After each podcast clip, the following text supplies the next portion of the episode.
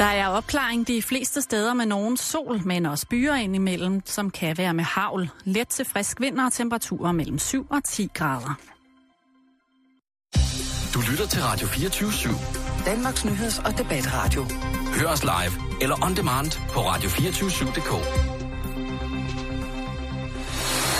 Velkommen i Bæltestedet med Jan Elhøj og Simon Jul.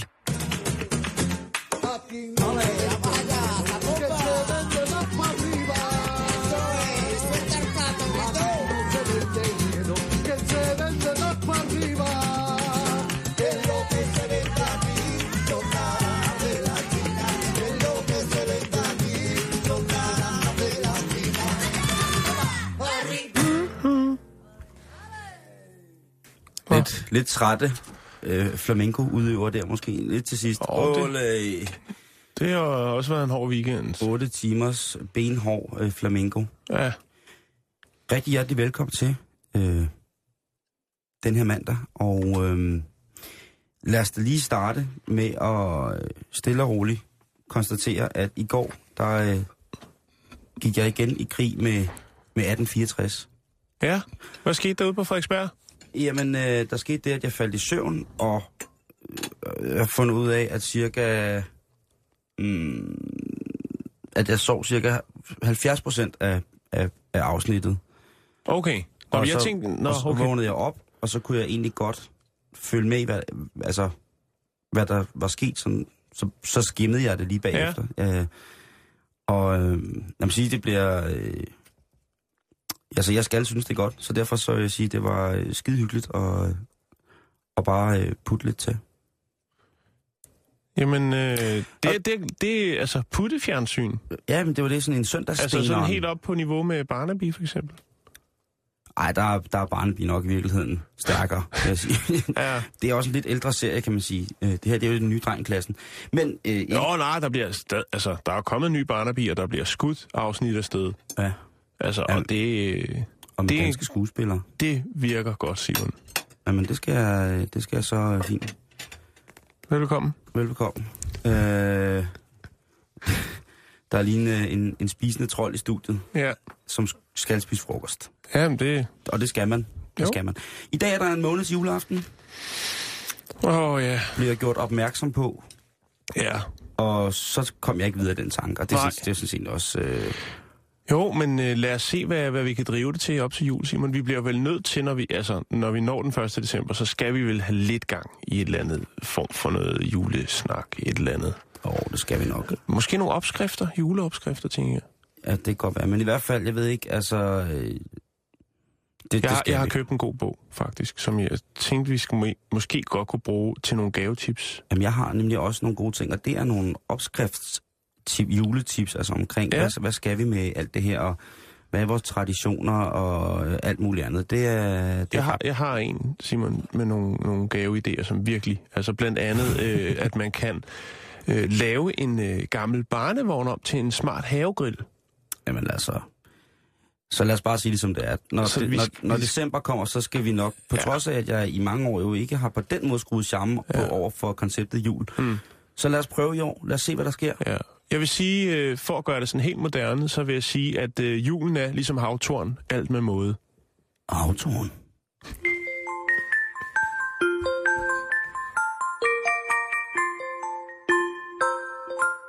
Havtorn. Nå, er det mig, der åbner ballet så? Ja. Og tak for referatet af 1864. Det var i den grad noget, jeg kunne bruge. Ja, men det, øh, det, skal du, det skal du bare... Du skal bare spørge, hvis der er noget. Jamen, øh, det gør jeg. Det er Tak. godt. Det er Nå, super. øh, vi starter i Vietnam. Ja, Vietnam. Mm. Vi skal til noget, der hedder Tan Hao, Tan Hao. eller Hoa, tror jeg, det hedder. Det er Ja. altid Hoa, når det er dernede, ikke? Oh, det er meget af det. Tan Hoa. Nogle gange lyder det, som om du bare siger hurra. Ja, Tan Hoa. Yes. Øh, vi skal snakke om øh, et problem, man har dernede i det område, der hedder street race. Jeg tror faktisk, det er et generelt problem øh, i Vietnam, men også i Asien. Folk, de kan godt lide at køre stærkt på deres øh, knalarter og ja. Motorcykler. Motorsej. For det er jo, øh, hvad skal man sige, det mest brugte transportmiddel på de kanter. Det, altså, der er jo ikke noget, som kan sætte ind i en stemning som sådan lidt øh, totaks blandingsbenzin, man lige øh, får blæst op i masken, mens man sidder og spiser noget stærkt mad med friske krydderurter, så... Mm. Mm. Nå, Men hvad sker der med street race-miljøet i Vietnam? Ja, hvad sker der? Hvad sker der med politiet dernede? Uh, De er trætte af pis. oh, Og øh, lancerer nu, den har faktisk været, man kan sige, nu begynder de at masseproducere den. Øh, de begyndte sidste år i april at bruge en ny opfindelse, som er en fiskenetpistol. Den giver nogle øh, tegnefilmsagtige billeder ind i hovedet, ikke? I den grad. Ja. Og det er ikke, som jeg først troede, at det, det er ikke sådan en pistol, hvor du så skyder, og så ryger der sådan en fiskenet ud over øh, den, der kommer kørende øh, på baghjulet på sin øh, knallert. Ah, nej. Og så er han fanget, og så det hiver ville man op, op, op i... Jo, jo, men altså... En kran, en Det fælde, ville være en effektiv måde at bekæmpe det på i hvert fald. det, det må man sige, men måske også lidt farligt. Jo, men det er... Men selvfølgelig altid bedre end at skyde eller kaste med økser efter dem. Jo, jo, jo. Det må jo. jeg jo... Eller spænde en vejer ud over kørebanen. Oha. Eller tegnestifter af glaskår. Ja. Ja, Hvad gør den så, og kan, hvad Øh, koster den? øh, den er ikke prissat endnu, men nu øh, vil øh, myndighederne i Tan Hao, eller Hoa, undskyld, øh, de vil sætte den i masseproduktion, for nu skal alle øh, dem, der håndhæver loven dernede, have sådan en ved hånden, så de kan komme det her street race til race. Det, man gør, det er sådan en lille... altså, den, det er et stort rør. Ja. Det ligner faktisk sådan en... Øh, en knaldhætte pistol lidt, ikke? Ordentlig. hundeprop. En ordentlig Ja, hundeprop. men bare med et ordentligt, øh, altså med et ordentligt rør på, ikke? Jeps. Og øh, den har så et net, et fiskenet, som vejer mellem 2 og 300 gram, og er øh, lidt over 1 meter i diameter. Det er jo rent Batman. Det er rent bat, eller Spider-Man. Eller. Spider-Man. Spider-Man. Øhm, og det kan altså, når det er proppet ned i det her nettet, så kan det jo skyde op til 15 meter. øh, man har vildt. prøvet tidligere øh, med håndkast, og der er der altså kun 2-3 meter. Udover det, så er der øh, en laser øh, pinpointer på, sådan så man ved, hvor man, Man skal skyde den hen. Og det, man gør, Simon, det er, at man skyder ikke nettet ned over dem. Man skyder det ind i baghjulet. Nå, det lyder da sådan... Og så, Nærmest- så vikler det sig ind. Okay, Du har måde. sikkert prøvet, øh, når du har haft din blå Kansas øh, på, altså din Harbour habit, og har kørt med din mælkekasse på din øh, grønne... Er den grøn Puk Maxi, du har? Ej, der er en af dem, der er sort. Nå, jeg har okay. faktisk ikke nogen grøn. Når du kører øh, ned, Rød og ned sort. på havnen, og så øh, har fået lidt for meget inden for vesten, og så når du kører op, I skal vise lidt, lidt julefræs, og så kommer til at køre op i fiskenettet, ikke? Så Jo, jo, stopper kender knalder det. Ej, det er jo et klassisk problem. Jamen, det, det er meget. Det er måske fra Harboøre, at øh, ligesom måske der har været nogle, øh, noget udveksling. Jamen, Det, det kan sagtens være. Altså, Jo. jo. det er jo sådan, at... Det, så man gør, det, der er smart jo så, det er jo, at den trækker nettet ind i selve hjulet, ikke? Så, Ja. så man standser ikke bræt, man standser Nej. sådan lidt langsommere, Lige præcis. så man bliver bragt til stansning på en ordentlig måde, uden. Ja. at være til fare for de andre trafikanter. Og, og sig selv, selvfølgelig. Det er faktisk meget godt tænkt.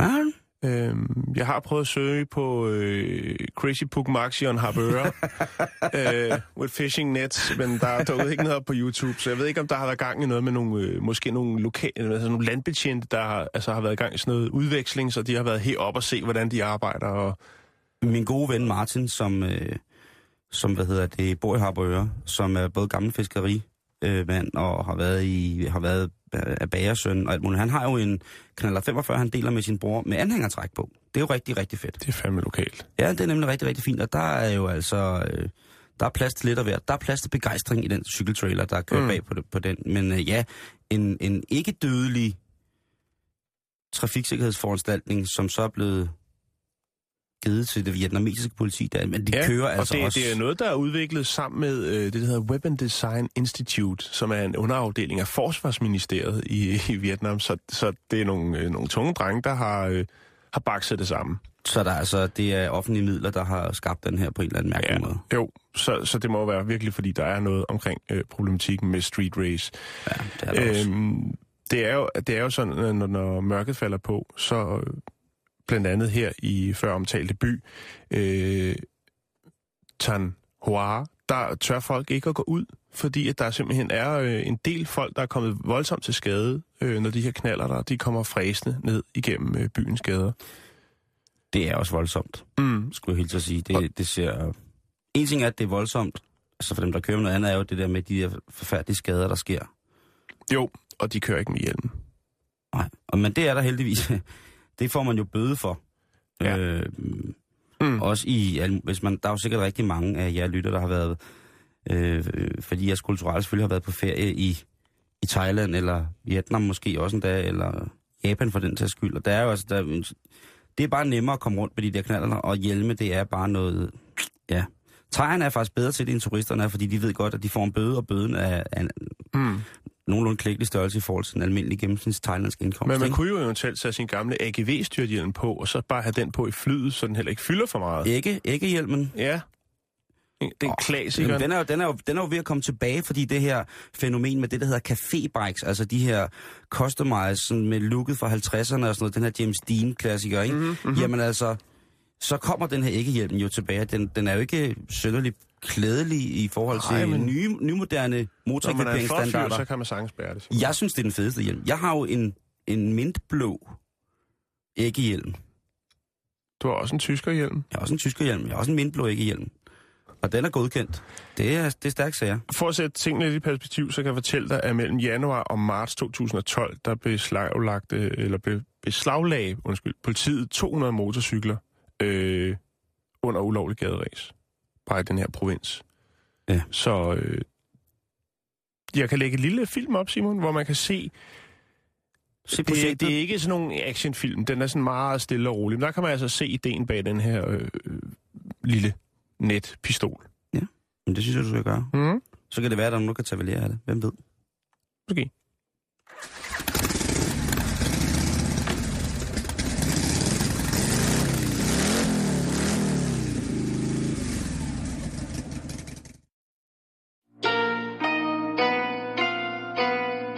er der værmøller fra Japan. Fra Japan er der meget godt. Nyt og gammelt, teknik og karate. Ninja og valfanger. Og bittesmå tissemænd. Hej!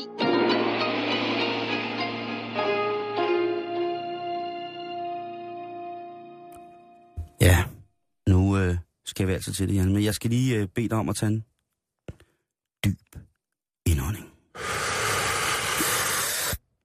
Og pust ud igen. Uh.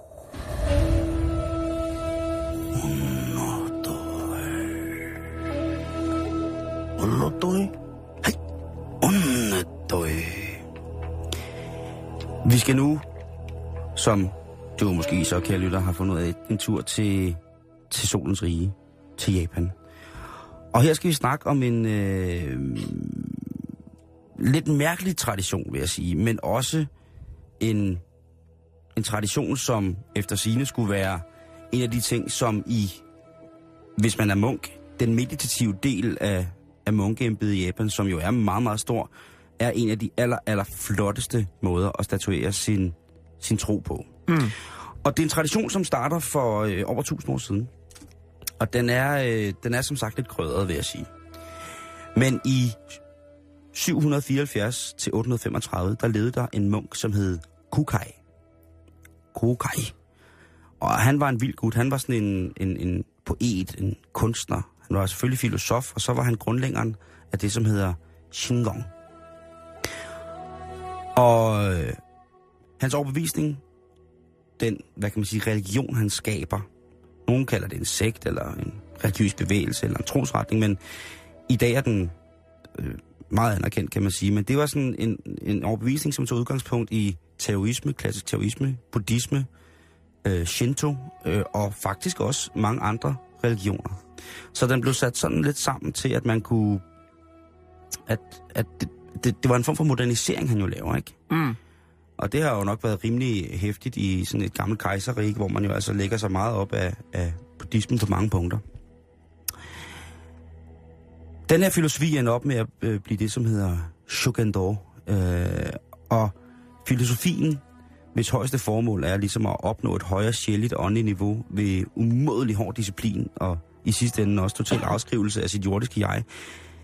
Det er pænt langhåret, hvis man går ind og læser lidt på det. Men de her folk, der ligesom underkaster sig det her, eller ikke underkaster, det lyder så negativt, men som valgte det her som en livsfilosofi, de har altså alle dage ment det. Statueringen af den her utrolige tro og den her vilje, den eksekverer Kukai i løbet af sin sidste levetid. For da han mener, at hans liv, hans jordiske liv, er ved at rende ud, og hans sjæl eller reinkarnation skal vandre videre, så vælger han at drage op på et bjerg, som hedder Koya. Og der bliver han spærret inde i en, en, en hule simpelthen. Og inde i den her hule, det er jo så der, han, han mener, at der skal han ende sin dag. Der sætter han sig ind og går i en, en form for trance, eller mm. han mediterer sig ind til et, et sted rent åndeligt, som han mener er her, hvor rejsen videre skal stå fra. Han dør inde i den her hule. Ganske rigtigt. Øh, om det var noget, han forudså, eller noget, han følte, eller havde fået et, et budskab om, det er jeg ikke klar over. Og efter en rumtid, så vælger hans trofaste følgere af den her overbevisning, og ligesom, det er måske meget bibelsk, fjerne stenen for, for enden af hulengangen. Og der finder de Kukai siddende. Og der tror de simpelthen, at han stadig er levende og bare sidder og sover. Han sidder i lotusstilling, altså den her skrædderstilling, man, øh, man, man sidder i. Og han ser ud som om, han sover. Det er meget fredfyldt, han sidder med lukkede øjne, og han ser ikke på den måde død ud. Mm. Men det er han. Han er mumificeret. Han har altså mumificeret sig selv, så at sige. Og det, tørret ind. Og det er det, som vi kommer til her. Fordi det har været en tradition, at man kunne ligesom begå verdens længste selvmord selv. Uden at der var smøg og alkohol indblandet i det, ikke? Eller fed mad for den sags skyld, og for meget salt. Men han, han starter simpelthen øh, en, hvad kan man sige, en trend. I dag kan vi jo godt regne ud, at, at man sådan rent videnskabeligt, på grund af miljøet og omgivelserne i den her hule, har været i, i sådan en stand, at den naturlige preservering af det menneskelige leme har været muligt. Men dengang jo, der var det jo et tegn på, at man stadig var der et eller andet sted, og at øh, sjælen ligesom var, var, var forsvundet. Og ja, så bliver man jo tillagt en form for Buddha-status, når man sidder sådan og har, har videt sit liv til det. Mm. Han starter den her tradition, som altså gør, at man i dag stadigvæk, nej ikke i dag, men indtil for, jeg tror det er 100 eller 200 år siden, jo praktiserede det her i nogle trosretninger. Øh, og en af de ting, som der ligesom var ved det, det var det her med, at man skulle i løbet af, hvis man valgte det her, og det var ikke betegnet som et selvmord eller som en flugt eller noget, det var simpelthen betegnet som værende et af de aller, aller, aller fornemmeste øh, formål i forhold til at give sig selv de der 130 procent, ikke? Mm. Og det blev til en tradition, hvor man i tusind dage var spærret inde til afsondring. Bag sten. Bag sten i et lille bitte, bitte rum, som nærmest bare var ens egen. Altså, man kunne lige være der. Mm. Og så var der et lille rør, så man kunne få luft, og så fik man ellers, ja, hold nu fast, øh, bare bær og bark at spise. Så man ligesom var helt... Det er meget op i tiden, faktisk. Ja, ja, det var totalt paleo. Han... Og så kunne man så sidde derinde og visne i bogstaveligste forstand. Øhm, nede i den her, den eneste, op, den eneste, hvad kan man sige, kontakt til omverdenen, der var, det var en lille snor, hvor der for enden ovenover det her lille afluk var en klokke, så de andre munke kunne høre, at man stadig var i live. Så når klokken holdt op med at ringe, jamen så... Og så ringede ud for sidste Ja. gang. Og øh, der var jo rigtig, rigtig mange, som, som døde dernede, men når man så nåede op mod de her tusind dage, så de sidste uger, hvor man ligesom gik i gang med at, at skulle tage afsted, om man så må sige, så fik man så en drik, øh, som i det hele taget var ret giftig og øh, provokerende for kroppen, for den medførte øh, voldsomme opkastninger og, og, og i hele tiden sådan, så man fik tømt hele kroppen og var et rent læbe. Altså, hvis man leder af bark og bær i tusind dage, kan der jo ikke være meget tilbage. Nej, men Forvejen. alt skulle ud alligevel, ikke? Jo. Og inklusiv øh, det, så gjorde den her gift altså, at øh, man mente, at så preserverede man læmet for sultne typer som madiker og sådan nogle ting og sager.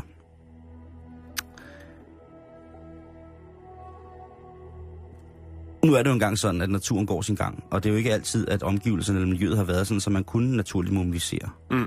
så mange gange var der jo også det der med, at når de så åbnede det der hul, ikke, så var der jo sikkert en forfærdelig stank, og øh, så var man dekomposteret. og det kunne man så tolke på mange måder. Mange tolkede selvfølgelig på, sådan at man i de sidste fase, den sidste meditationsfase af det her, selvfølgelig ikke havde været koncentreret nok Mm. til, at, og, og, og man ikke havde hengivet sig Man selv har ikke løst opgaven. Lige præcis. Mm. Mission in- incomplete. Og, og heldigvis for den japanske regering også sat en stopper for det her. Det er altså den her, det her langsomme selvmord med, den, med formålet for at blive uh, mumificeret. Der er 28 munke, som har opnået den her høje status. Mm. Og jeg vil lige lægge nogle billeder ud på vores Facebook-side, hvor man kan se... Det var øh, pænt af dig. Ja, og det, men det er faktisk det, er- det er lidt hyggeligt, synes jeg, på en eller anden måde. Øh, det er jo selvfølgelig i sagens natur, synes jeg, og for sikkert også for mange andre, øh, ret skørt, men man må et eller andet sted jo det er meget dedikeret, ikke? Ja, lige præcis. De, øh, de anerkender intet andet end den sandeste sandhed. Så jeg skal ikke kunne sige, at det ikke foregår, men jeg skal i hvert fald kunne sige, at øh, heldigvis er det ganske ulovligt rigtig, rigtig mange steder at gøre lige præcis det her. Men øh, nu kan jeg jo lige kigge på billederne lige om lidt, og så trækker vi vejret dybt. i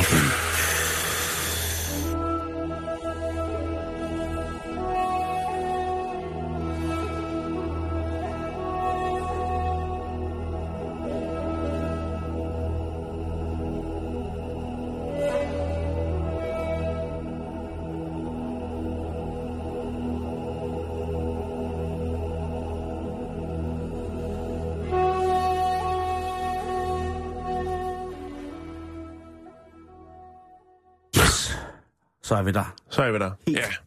Vi padler videre. Yes. Vi skal til Venedig. Åh, oh. den fik jeg godt. Ikke? Dejlig by. Ja, det er en dejlig by. Men øh, nu sker der altså ting dernede. Nå. Nu har indbyggerne fået nok, Simon. Har, har de heddet proppen? Nej, det har de ikke. Øh, man kan sige, de har jo øh, lidt lidt under... Øh, altså, det stigende, hvad skal man sige, vandet dernede, ikke? Den Ja, globale, effekten af den globale opvarmning. Lige præcis. Øh, og det går jo ud over den historiske arkitektur. Men nu er der altså en ny trussel, der kommer rullende ind over Venedig. Åh, oh, oh nej. Det er ikke Og når jeg noget, siger rullende, så mener jeg rullende. som i bogstaveligt så forstand, det har hjul på. Det er de pokkers til turister. Og deres rullekufferter! Det er rigtigt, Simon. De er blevet trætte af kufferter. Fordi der, Små, billige, irriterende, larmende kufferter, der bliver trukket hen af Venedigs gader. af de smukke brostensbelagte gader. Dag ind, dag ud. 24-7, 365. Det larmer jo helt vildt. Det larmer helt vildt. Øh, og det er der altså en ny lov, der kommer til at tage hånd om allerede maj Er du i gang med at trække mig i benet nu? 2015.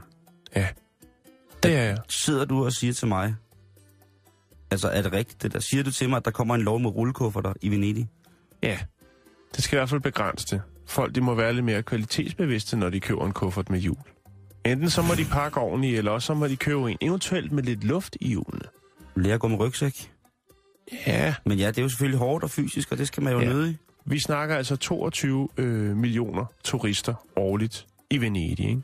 Ja, okay. Og øh, Hvis de alle sammen, hvis bare halvdelen har rullekufferter med, ikke? Det er mere end halvdelen, Simon. Og øh, der er jo selvfølgelig det i det, og det er jo, at øh, hvis man skal tage sit hotel, der er mange øh, bilfri gader, så vidt jeg er orienteret, i Venedig. Og øh, så er man jo nødt til, hvis man har, altså, har fyldt kufferten, eller regner med at fylde den på vej hjem. Man skal have ufattelig mange øh, gondoler med hjem, og puslige, og nogle snittet i træ, og nogle i lær, og så videre, så videre. Det fylder jo i kufferten. Og så er det godt med et par hjul nedenunder. Jo, jo, jo, jo. Øh, men det, ud over det, så skader det jo også. Jeg skal have to kilo carpaccio med hjem fra Harris. Place på Nørrebro. Udover det, så, øh, så forårsager det jo også skader øh, på de historiske gader i Venedig, når folk Det, kommer det, og det, det er svigertort for... Øh, Det er det. ja, Og der tænker jeg, for, hvis der kommer 22 millioner, så kunne man måske godt smide lidt i renoveringspuljen, ikke? Jo. Eller noget.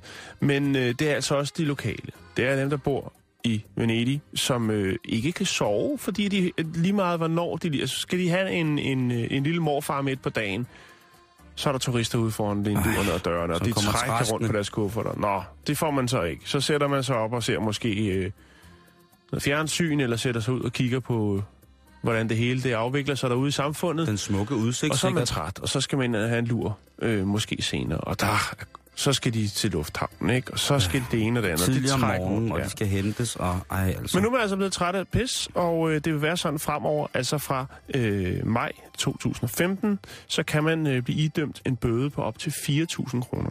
What? Jeg ved ikke, hvordan man vil håndhæve den her, man ligesom øh, måler øh, frekvensen på, øh, når du trækker din kuffert, og så får du en bøde. Eller om du skal, den bliver, altså, om du, Hvor mange meter du har trukket du den? får at vide, om du får indrejsestilladelse til din kuffert, når du er i lufthavnen. Det, det melder historien ikke noget om. Men altså, øh, de siger jo dernede, øh, kommissær Victor Sabalorto hedder han. Sabalotto. Lorto. Der er et R på. Lorto. Nå, sab, fordi sabalot, det betyder ananas på thailandsk. Ja, jamen, det er Sabalorto. Han siger, øh, at problemet er jo generelt, at folk bare køber nogle billige lortekufferter med de her helt små, hårde Ej, plastikhjul. de er helt ude med len, var. Ja, de er ude De med len. tosset. Og folk må blive lidt mere kvalitetsbevidste, siger han.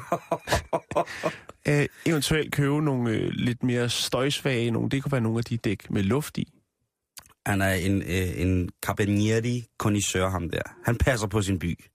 Det synes jeg også. Han tager sin øh, lokalbefolkning alvorligt og lytter på deres, deres klager mm. om, om turismens evindelige medbringelse af svigertår til, til lokalområdet, ja. ikke? Ja. Så det er ikke kun, øh, hvad skal man sige, øh, marmortrinene, stenene, stenstierne og gangbroerne. Det er altså også de folk, som jo bor der permanent. For det er ikke nogen kulisseby. Der er et... Det er, øh, Ja, ja, ok, ja. Ja, altså det er, ikke, det er ikke folk, der er ansat til at lade som om og gøre det sådan lidt her, mere lidt autentisk. Jamen, det er jo ligesom, at der bor almindelige mennesker i Paris. Gør det det? Der bor en 8-9 stykker. Nå, men øh, jeg skal nok øh, følge op på historien, hvis der kommer nyt. Jeg er meget, meget spændt på, hvordan man vil håndhæve det her øh, projekt. Der er en dokumentar lige der. Hvor Men mange altså, det- meter kan man købe rullekuffer i Venedig efter Ja. den 15. Men Hvor er jeg det? tænker også, det kan også være noget med, at, øh, at ligesom når, øh, når man er ude at rejse mange steder, hvis det så regner, så, lige så at der står der 100 mennesker og sælger paraplyer på gaden. Så forestiller man måske her, altså at øh, der bliver nogle øh, godkendte kufferter, og så står der nogen ved lufthavnen og sælger dem. Til Det- god pris, ikke? Sådan, du kan ikke, den der, den, kan du ikke, den får du ikke med ind i byen. Selvfølgelig. Det er strategisk, det der. Det tænker jeg også. Den nye Venedig-kuffert, som... Øh, Venedig-kufferten. Venedig-kuffert, ikke? som politimesteren har været med til at lave. Den med det helt store, runde øh, sækkevognshjul der. Ja, ja, redningsvest. Det kunne være... Det, jeg, jeg følger med, Simon. Tak.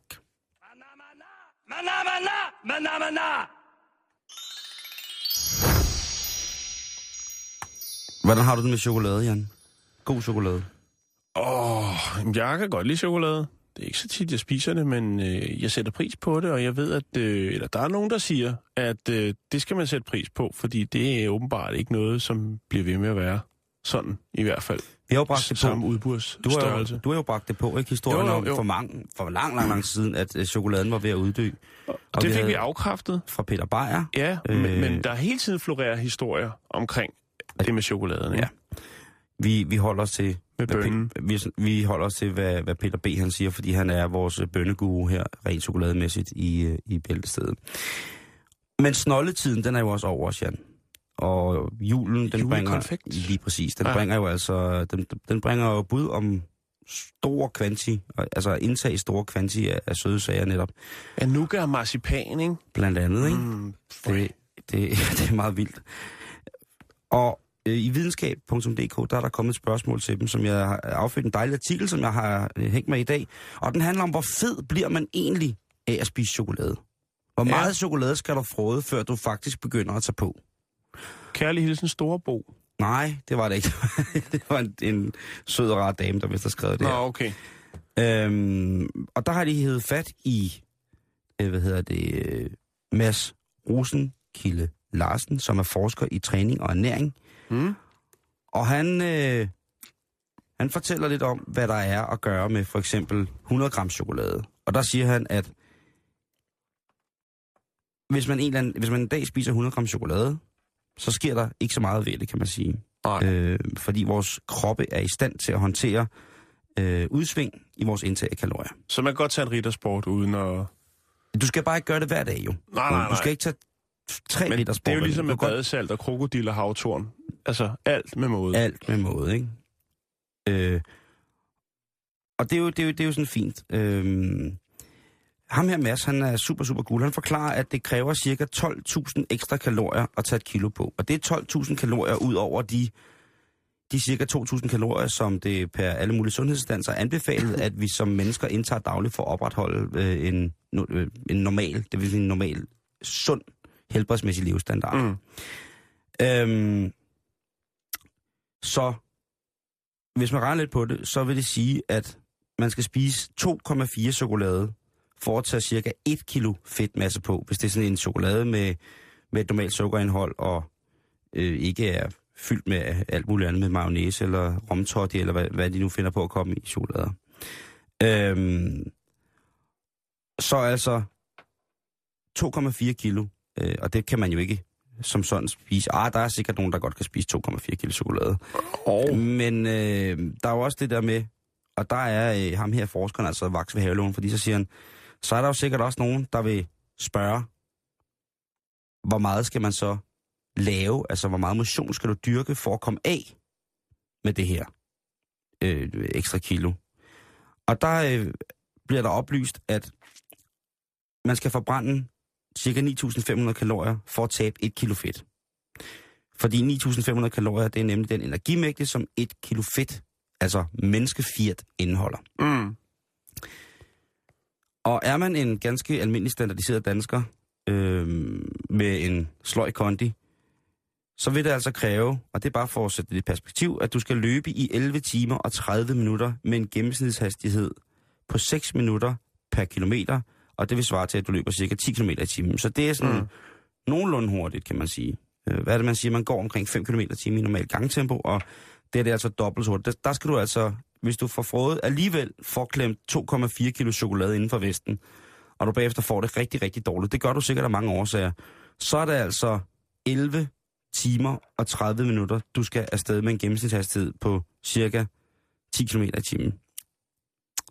Det er selvfølgelig også afhængigt af vægt og puls og sådan nogle ting. Så det her, det er bare nogle gennemsnitsmål, der blev regnet ud fra. Øhm, men så kan man jo tænke over det. hvor langt kan man egentlig komme? Hvad siger du? Hvor langt kan man komme på det, man skulle, øh, skulle løbe der? Hvis du løber 10 km i timen i 11 timer. Hvis du løber 10 km på en time. Åh, den skal vi ikke regne ud live. 100. Det...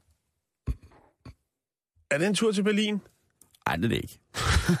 det er du vel fra herfra fra København, og så til Slagelse er lidt rundt, ikke? Der er vel 92 km Lige ned at dernede. shoppe.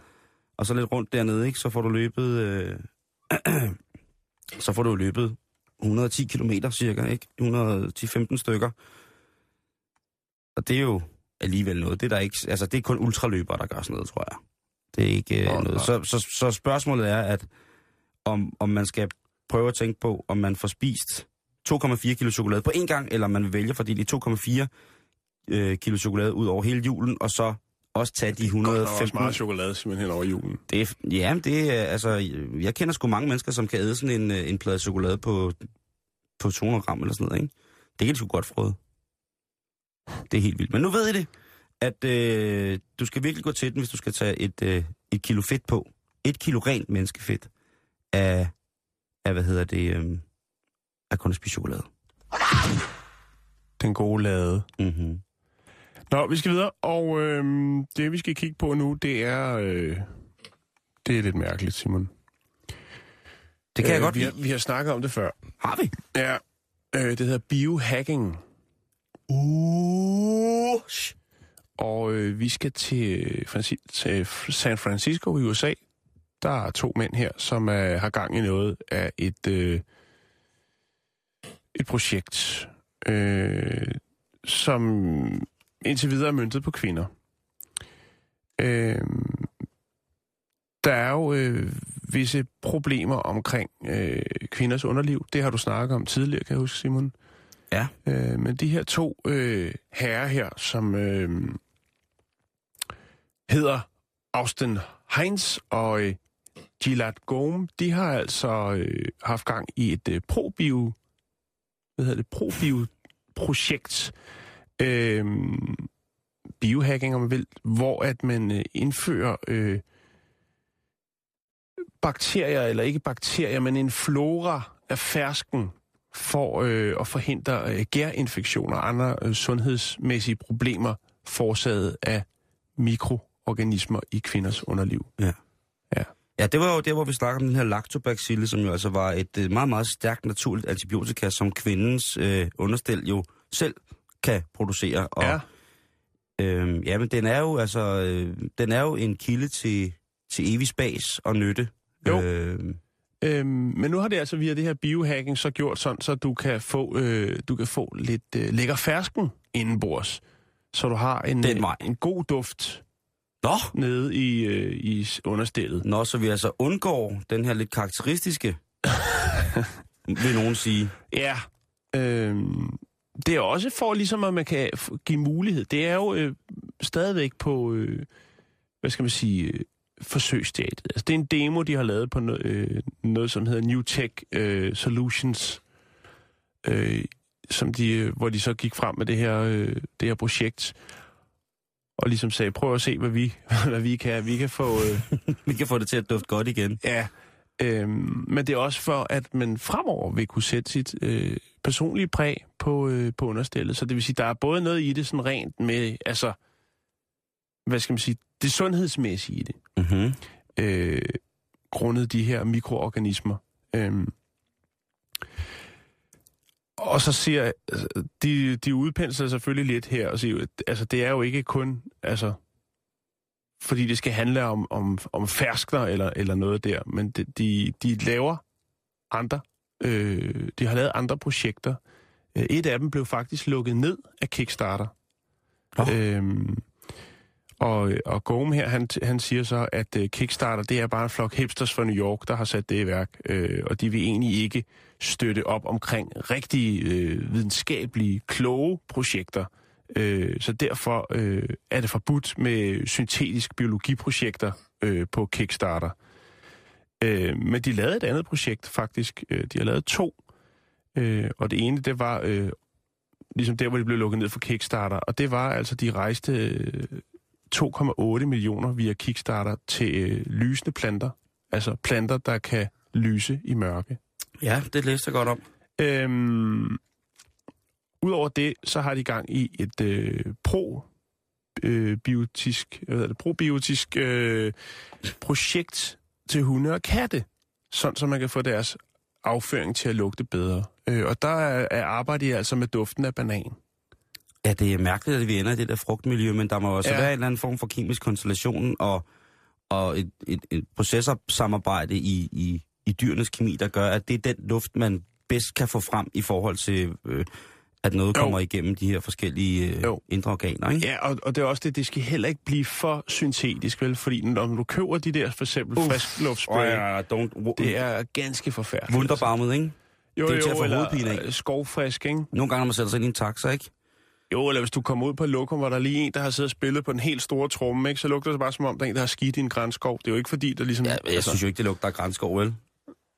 Det må, det må jeg Jo, jo, hvis det er sådan en, sådan en, øh, sådan en rigtig lækker øh, En fyr. fransk-tysk øh, grænskov.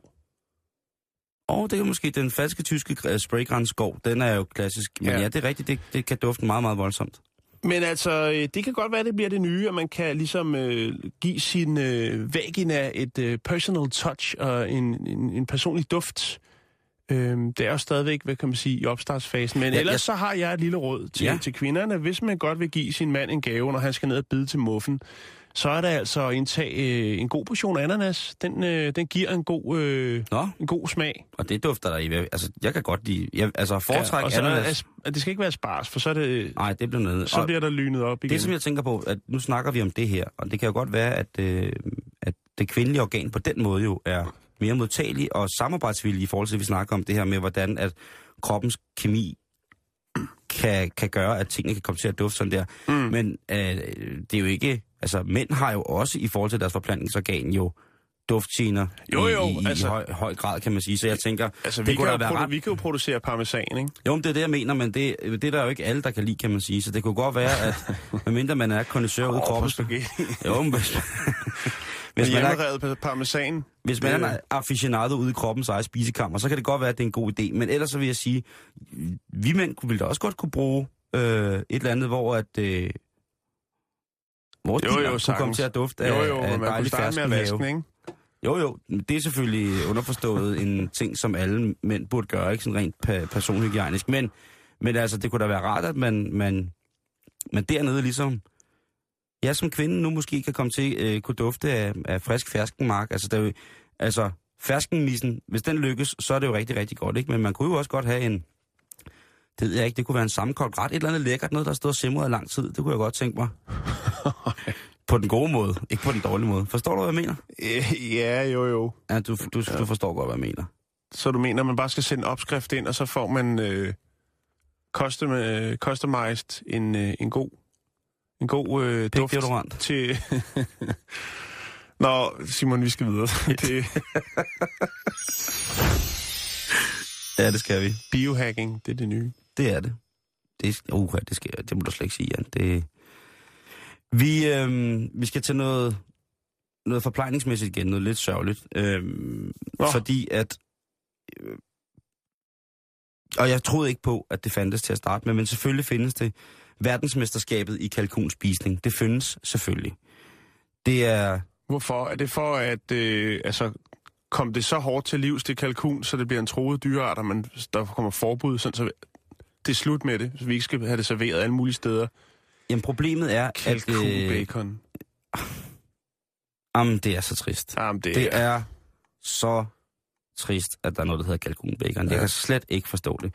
Nej, men det er jo, og hvis man kigger sådan helt nøgtern på det, Jan, så er det jo faktisk sådan, at i vores konsumsamfund, hvis vi begynder at spise rigtig, rigtig meget af noget, så kommer der mere og mere af det. Sådan er vi, sådan er vi bygget i dag. Det er en lang, og, og, og det er et andet program et andet sted, men det er en, en, en ting, det der med at øh, spise det for at bevare det et eller andet sted, ikke? Ja. Øh, det kunne jeg tale langt om, det skal jeg ikke tale om her. Øh, men det man kan sige, det er, at tænk at være verdensmester i kalkunspisning. Og vi taler altså om gutten, der hedder Joey Chestnut, som er professionel spiser. Han er en af dem her, der kan tage rundt i, i, i verden. Nu snakker vi om ham der, ja, japaneren, som jo tager rundt og spiser hotdogs og ting og sager og hamburger. Men vi snakker altså om ham her, som øh, vinder kalkunspisningskonkurrencen. Hvad vinder man ud over æren? Er- Får man 5.000 dollars. 5.000 dollars? 5.000 dollars. øhm, og han fik altså spist det meste af en 9 kilo stor kalkun øh, i lørdags. Øh, hvad hedder det på øh, det, der hedder Foxwood Resorts Casino. Og øh, hvor lang tid vil du skyde på? Det tager en nogenlunde almindelig mand at øh, køre omkring øh, 9 kilo. Altså man skal jo spise så meget, som man overhovedet kan. Ja. Og Jeg man vil har- sige fem dage. Det er jo utroligt tørt kød jo. Altså, Ja, det, det, det er tørt og smager ganske forfærdeligt. ja, fem dage. Øh, han spiser 4,24 kilo på 10 minutter. Altså han kører 4 kilo kalkunkød ned på cirka 4,5 minutter. Eller på 10 Ja. minutter. Ja, 10 minutter, ja, 10 til 4,5 Undskyld, minutter. nej, det, var, det, er mig, der, det er mig, der råder. Han, på 10 minutter, der spiser han 4,24 kilo kalkunkød. Det er og må være det tavligste måltid i hele verden. Så vil man jo hellere drikke øh, vand med støv i. Det, det Jo, er, jo. er mig en, en gåde, hvordan man kan udsætte sin krop for noget så forfærdeligt.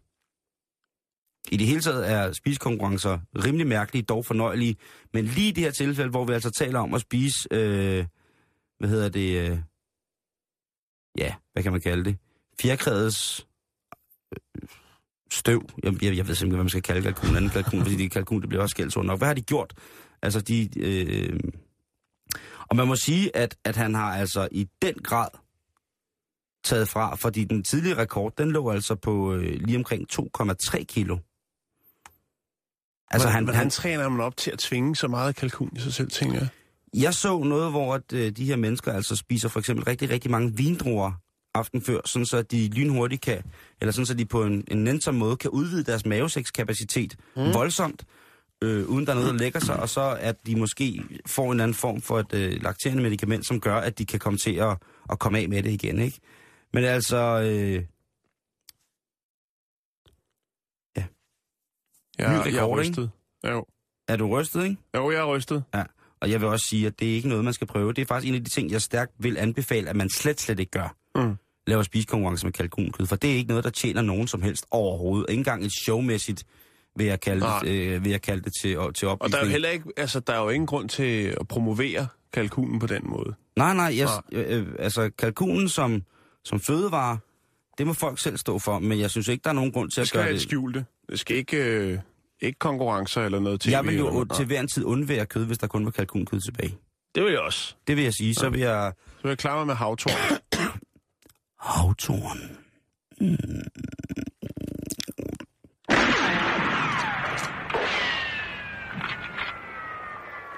Nå, 4,24 kilo på 10 minutter kalkunkød. Det er nok noget af det klammeste, jeg nogensinde har hørt. vi skal til Lima. Vi skal til Peru. Mener Øh. du til det her sted? Åh, oh, nej, vi skal ikke på til strøget. Nå, okay. det skal vi ikke. Åh, oh, ja. Men bare sæt det på. Det, Jeg kan, jeg kan høre lige præcis... Øh... vi skal op Jeg skal... i Andesbjergene, og der kan man godt spille en, en, en god bambusstav. Okay. Bare fyre op. Ej, Gør se til næste der. ja. Det er det peruanske svar på Nickelback, det der. Puh, ja, så ser man bare, ej, lagmærende Nå, men nu skal du høre her, Hvad sker der? Hvad sker der? Hvad, hvad, hvad, hvad går ned i Peru? Det er, det er igen, jeg har fundet en delikatesse frem. Er det rigtigt? Ja, vi havde jo de her jomfrudrenge æg øh, i ja sidste tak. uge. Jeg husker det tydeligt. Jeg Ja. kan stadig både smage og dufte historien. Og nu, det var øh, skrækkeligt. nu er det altså frøer. Nu er det frøshakes, der rykker. Der blev øh, godt op i maden. i Andesbjerg. Jo, jo. Og det, Chokolade og, og nu frøer. Ja, og det er selvfølgelig en, øh, en, øh, en troet frø, ikke? Ja, Det skal det- det skal altid være- jo, jo. Ja, Det Ja. bliver jo ikke en delikatesse, før den næsten er helt væk. Nej, Ikke? og altså... det er Altså- det, jeg mener med kalkunen, ikke? Det er bare om at komme i gang. Lad os få et helt lortet, altså... så... Altså- Albino tiger, ikke? Den, det er, Ja. albino tiger sushi, den er, den er dyr. Den er dyr, fås ikke særlig mange steder, men den er også ulovlig til gengæld. ja. Nå, men øh, det, det går ud på, det er jo, at øh, hvis du lider af stress, øh, manglende sexlyst, sexlyst, astma, bronkitis, øh, bron- bronkitis, øh, hvad sådan, knogletræt, altså du er sådan lidt Generelt sløj. Ja, sløj, ikke? Så er det altså... Øh, så skal du have en frøshake, og så skal du tage til, til Peru. Øh, det er en frø, der hedder øh, Telmatobius cellus, og øh, det er altså en øh, vandfrø, Ja. øh, som mest findes i det, der hedder Lake Titicaca. Ja, den er jo klassisk. Altså, Lake Titicaca, tror jeg, det hedder. Lake Titicaca. Ja. Og den her stakkels frø, den må altså lade livet, øh, når det er, at folk de øh, har øh, stress, astma, bronkitis, øh, Generelt sløjhed. bare sløj. Så tager man altså op i de her bjerglandsbyer, hvor det er en delikatesse at få sig en lille frøshake. Øh, og det man gør, de kan også godt lide den i Bolivia. Det er lige på de brede grader der. Okay. Der rykker den altså. Øh, det man gør, det er simpelthen, at man har et øh, hende her, som, som laver dem. Eller en af dem, laver, har, der laver dem, det er simpelthen, at man har et, et lille akvarie med de her stakkels små frøer i. Jo. Og øhm, Maria Elena Cruz, som øh, laver, har den her lille biks, som jeg har øh, sat, mit, sat mine øjne efter, hun siger simpelthen, at øh, hun hakker hovedet af dem, Mm-hmm. øh, og så tager hun skinnet af. Øhm, og så smider hun dem ned i en blender, sammen med nogle gulerødder, noget makarod og øh, noget honning. Ja. Og så trykker du på knappen. Ja. Det kunne godt lyde som et øh, kunstprojekt, men det er det ikke, for Ja, her, det- bliver, her bliver der trykket på knappen. Og øh, så har du simpelthen en rigtig, rigtig flot, flot, øh, lækker, troet dyrearts, dyreplager shake, som gør så meget godt for mennesket. Det er Der er ikke nogen øh, videnskabelige beviser for, at øh, den gør noget som helst, denne her. Nej, nej, ja, men altså, hvad skal vi også bruge videnskaben til? Kan flytte bjerge, ikke? Jo, jo, det er det, jeg mener. Og jeg tænker, hvad nu hvis man lige har læst et eventyr for sine børn omkring øh, at kysse frøen, så den bliver til en prins, ikke? Eller Jo. en prinsesse. Og så kommer de ned og ser, at øh, det hele bliver kommet i en blender og lavet til en smoothie. Det er Også, Ja, det er synes jeg, godt. Det er synes jeg, det er Men altså, godt. de har på de kanter, der får man jo også øh, tit serveret marsvin eller rotte. Altså, de har også et, et, et, lidt øh, et lækkersulten forhold til, til større knæver. Og det er ikke noget, som faktisk ikke, det smager faktisk ikke så skidt igen, kan jeg sige. Øh, men det er mærkeligt at se, at, øh, at dernede, der har dyrene altså en helt anden funktion. Øh, Jo, og så det der med, at det altid skal være, det skal være en troet dyreart, ikke? Altså, det, som om, så rykker det lidt mere på et eller andet niveau. Og Jo. det, det synes jeg, det er usmageligt. vi skal have panda, så- hvad hedder det, panda carpaccio til vores julefrokost. Det kan Nej, ikke det være... skal vi ikke, Simon. Nej, det skal vi ikke. Hvad hedder det? Men jeg smider lige lidt billeder op, så kan man øh, se lidt fra butikken og den her lækre grønne drink, hvor der sidder en mand, som jo både har astma, bronkitis og øh, utrolig stor mangel på sex øh, lyst, sidder og hælder op øh, i et- et stort flot glas. Åh, ja. Han sad og lyttede til den her. Og så forsvandt alt lyst lige ud af ham.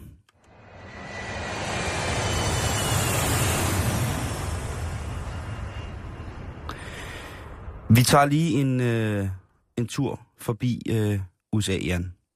Det, øh, det synes jeg, vi fortjener her til sidst, hvor at en, øh, hvad kan man sige, en gut, der hedder Cameron Schenk på 26 år, kommer til at gøre sig en lille smule uheldigt bemærket i lufthavnen. Og hvad gjorde han? Råber han terror? Øh, råber han Ebola? Er han på anden måde upassende? Nej, han styrter ud igennem taget på lufthavnen. Det er sådan, at Nå. øh, Cameron Schenk har indfundet sig på dametoilettet.